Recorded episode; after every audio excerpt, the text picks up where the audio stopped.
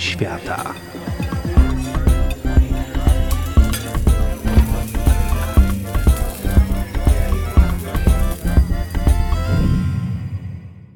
Dzień dobry. Dla tych, którzy jeszcze się nie zorientowali, przypominam, że jest rok 2021. A to znaczy, że w ubiegłym roku powinny odbyć się Igrzyska Olimpijskie, ale się nie odbyły. I nie wiadomo szczerze mówiąc, czy odbędą się w tym. Chociaż na razie organizatorzy, czyli Tokio, twierdzą, że dadzą radę. Ale co mają Igrzyska wspólnego z kuchnią? To się za chwilę wyjaśni. Jak wiadomo, idea Igrzysk pochodzi z Grecji.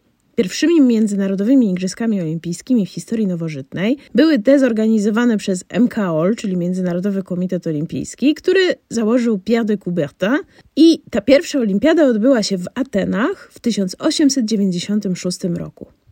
Ale historia olimpiad jest znacznie, znacznie dłuższa.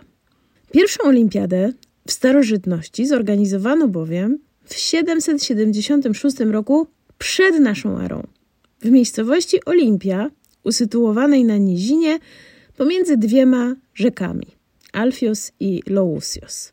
Olimpiady odbywały się tam nieprzerwanie co 4 lata do 394 roku naszej ery, czyli przez 700 lat.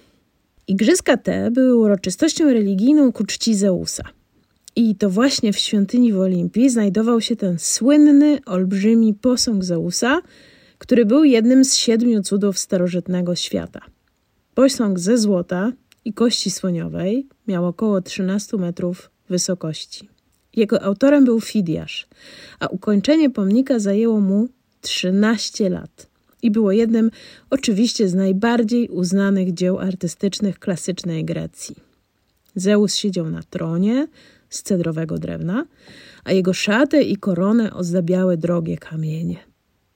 Według rzymskiego historyka Swetoniusza w I wieku naszej ery rzymski cesarz Kaligula wydał rozkaz, aby takie posągi bogów, które były szczególnie znane ze swojej świętości lub artystycznej wartości, w tym Jowisza, jak Rzymianie nazywali Zeusa, z Olimpii, sprowadzić z Grecji w celu zdjęcia głowy i umieszczenia podobizny cesarza. Zanim to się jednak stało, cesarz został zamordowany a podobno jego śmierć została przepowiedziana przez posąg Zeusa. Był on zbyt duży, żeby go przewieźć do Rzymu, w związku z czym robotnicy weszli nań, aby utrącić mu oryginalną głowę. I podobno nagle, pisze Swetoniusz, wydał taki śmiech, że rusztowanie się zawaliło, a robotnicy rzucili się do ucieczki. W 391 roku cesarstwo rzymskie było już chrześcijańskie i cesarz Teodozjusz I zakazał uczestnictwa w kultach pogańskim. Olimpiada, która była uroczystością na cześć Zeusa, przestała być organizowana na następne 1500 lat. Ale zanim to nastąpiło, olimpiady były wielkimi i ważnymi wydarzeniami. W czasie pomiędzy olimpiadami podobno teren był opustoszały i spokojny, trochę jak dzisiaj poza sezonem. Ale kiedy nadchodził czas zawodów, zjeżdżała się cała męska Grecja. Kobiety bowiem, zwłaszcza zamężne, nie mogły brać udziału w olimpiadzie. Ani jako zawodniczki, ani jako widownia. Jedynym sposobem na udział w zawodach było posiadanie koni, ciągnących rydwan w wyścigach. I tak uczyniła Cyniska.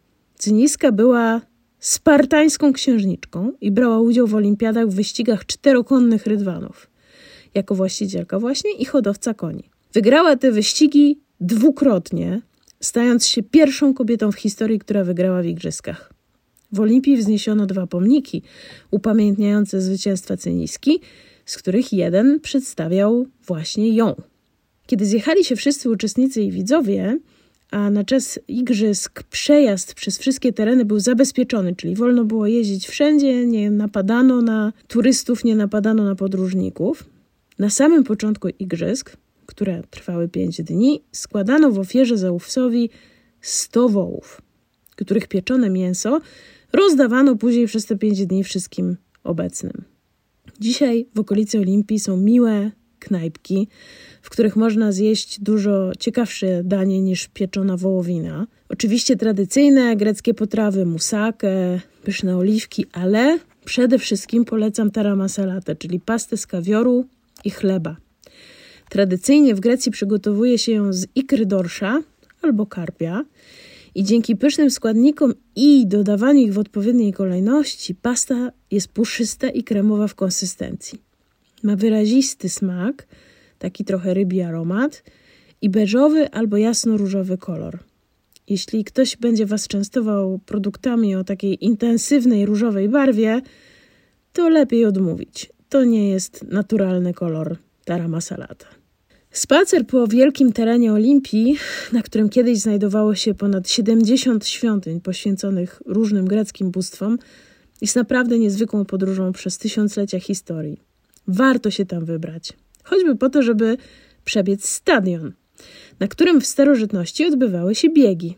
Pierwsze igrzyska w ogóle polegały tylko na biegu na 200 metrów. Na golasa, może to była jakaś atrakcja. Co ważne, to nie tor, ale dyscyplina właśnie, bieg na 200 metrów, nazywała się stadion. I stąd wzięła się nazwa używana dzisiaj dla opisania obiektów sportowych. Jak tłumaczy Michael Scott, profesor klasyki i historii starożytnej na Uniwersytecie w Warwick, powoli powstawał cały zestaw dyscyplin. Niektóre z nich znamy do dzisiaj, e, różne długości biegów, z których najdłuższy liczył 4,5 km. Ale były też naprawdę dziwne biegi, jak na przykład hoplitodromos, którym zawodnicy biegli ubrani jak hoplita, czyli w pełnej zbroi greckiego żołnierza. Inna rzecz, która była bardzo odmienna, żeby wziąć udział w olimpiadzie, trzeba było być Grekiem. To nie było wydarzenie, gdzie wiele różnych narodowości spotykało się razem. To byli Grecy, którzy spotykają się, aby celebrować swoją greckość.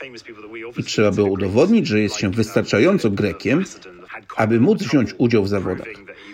Nawet niektóre bardzo znane osoby, które uważamy za Greków, przykład Filip Macedoński, ojciec Aleksandra Wielkiego, miały sporo kłopotu, żeby udowodnić, że są Grekami. Można było to udowodnić gotowaniem, albo sprawdzono twoje pochodzenie. Okej, okay, skoro tak, to dzisiaj nauczymy się robić grecką zupę. I to taką, za którą wpuściliby was spokojnie na igrzyska. No, chyba, że bylibyście kobietą, a zwłaszcza zamężną bo z tym poważnie nie było żartów. Za przemycenie kobiety na teren Olimpii zrzucano ją ze skały. No, ale trudno się dziwić. W końcu pamiętajmy, że było to wydarzenie religijne, a nie rozrywkowe. A ostatnią rzeczą, jakiej potrzebowali Grecy, to rozgniewać bogów obecnością jakiejś baby. Jak już mowa o zupie, to warto też wspomnieć o tym, że jedzenie właśnie mogło być jedną z nagród w starożytnych igrzyskach. Chociaż nie dla wszystkich. W Olimpii za wygraną otrzymywało się jedynie wieniec z gałęzi oliwnych. No i chwałę oczywiście. Żadnego złota, pieniędzy, ani nawet dyplomu. Ale w rodzinnym państwie mieście mogła czekać materialna gratyfikacja. Na przykład zawodnicy z Aten, jeśli zwyciężyli w zawodach w Olimpii, otrzymywali na koszt miasta dożywotnie wyżywienie. Lubię myśleć, że z satysfakcją chlipali sobie taką zupę, jak za chwilę zrobimy prostą, rozgrzewającą i bardzo pożywną. Bo warto pamiętać, że choć Grecja raczej nie jest miejscem, gdzie często pada śnieg, potrafi tam być całkiem chłodno, a na pewno wilgotno i deszczowo.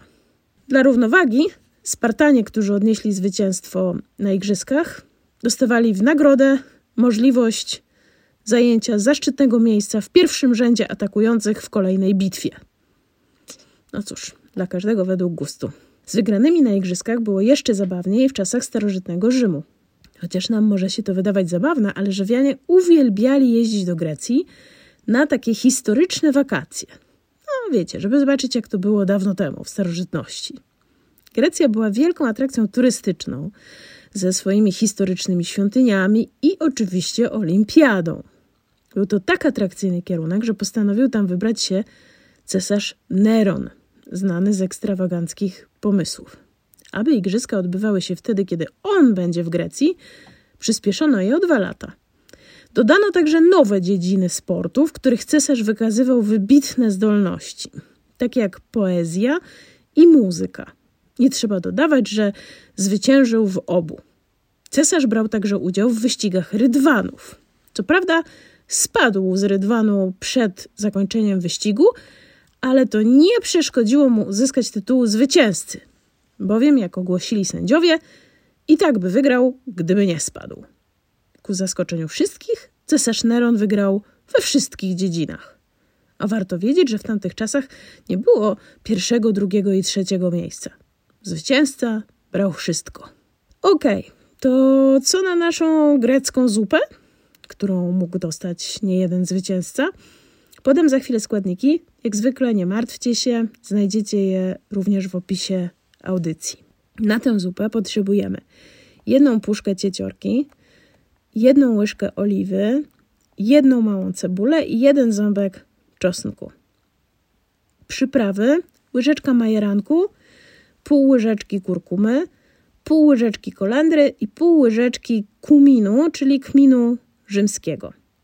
Oprócz tego półtora litra bulionu, cztery ziemniaki, pół szklanki czerwonej soczewicy i 250 ml przecieru albo pasaty pomidorowej. Polecam pasatę. I jeszcze świeże posiekane zioła, albo kolendra, albo natka pietruszki, albo oregano, albo wszystko razem. Sól i pieprz do smaku. Najpierw kroimy cebulę. W kostkę, piórka, krążki, nie ma to znaczenia. Ziemniaki obieramy i kroimy w kosteczkę i siekamy czosnek. Ważne, żeby go posiekać, a nie wycisnąć. W garnku na oliwie szklimy tę pokrojoną w kostkę albo w krążki, albo w piórka cebulę. Dodajemy drobno posiekany czosnek i przyprawy. Chwilę podsmażamy, żeby tak nabrały aromatu. Ważne, czosnek nie powinien się zarumienić, bo wtedy robi się gorzki. Do tego miksu wlewamy gorący bulion, albo wywar, albo rosół, ciecierzycę z puszki razem z płynem, czyli tak zwaną akwafabą. Dodajemy obrane i pokrojone ziemniaki i czerwoną soczewicę. Możemy trochę doprawić już wtedy świeżo zmielonym pieprzem i całość doprowadzamy do wrzenia. Przykrywamy pokrywką, zmniejszamy ogień i gotujemy przez około 15 minut. Po 15 minutach dodajemy przecier pomidorowy lub lepiej pasatę i znowu gotujemy pod przykryciem przez około 30 minut. Jeśli będzie Wam się to wydawało za gęste, możecie jeszcze dolać y, szklankę bulionu. I po 30 minutach zupa jest gotowa. Podajemy ją w miseczkach posypaną posiekanymi świeżymi ziołami. I pamiętajcie, że możecie zjeść dużo, bo przecież potem natychmiast pójdziecie poćwiczyć. Kalioreksji, czyli smacznego.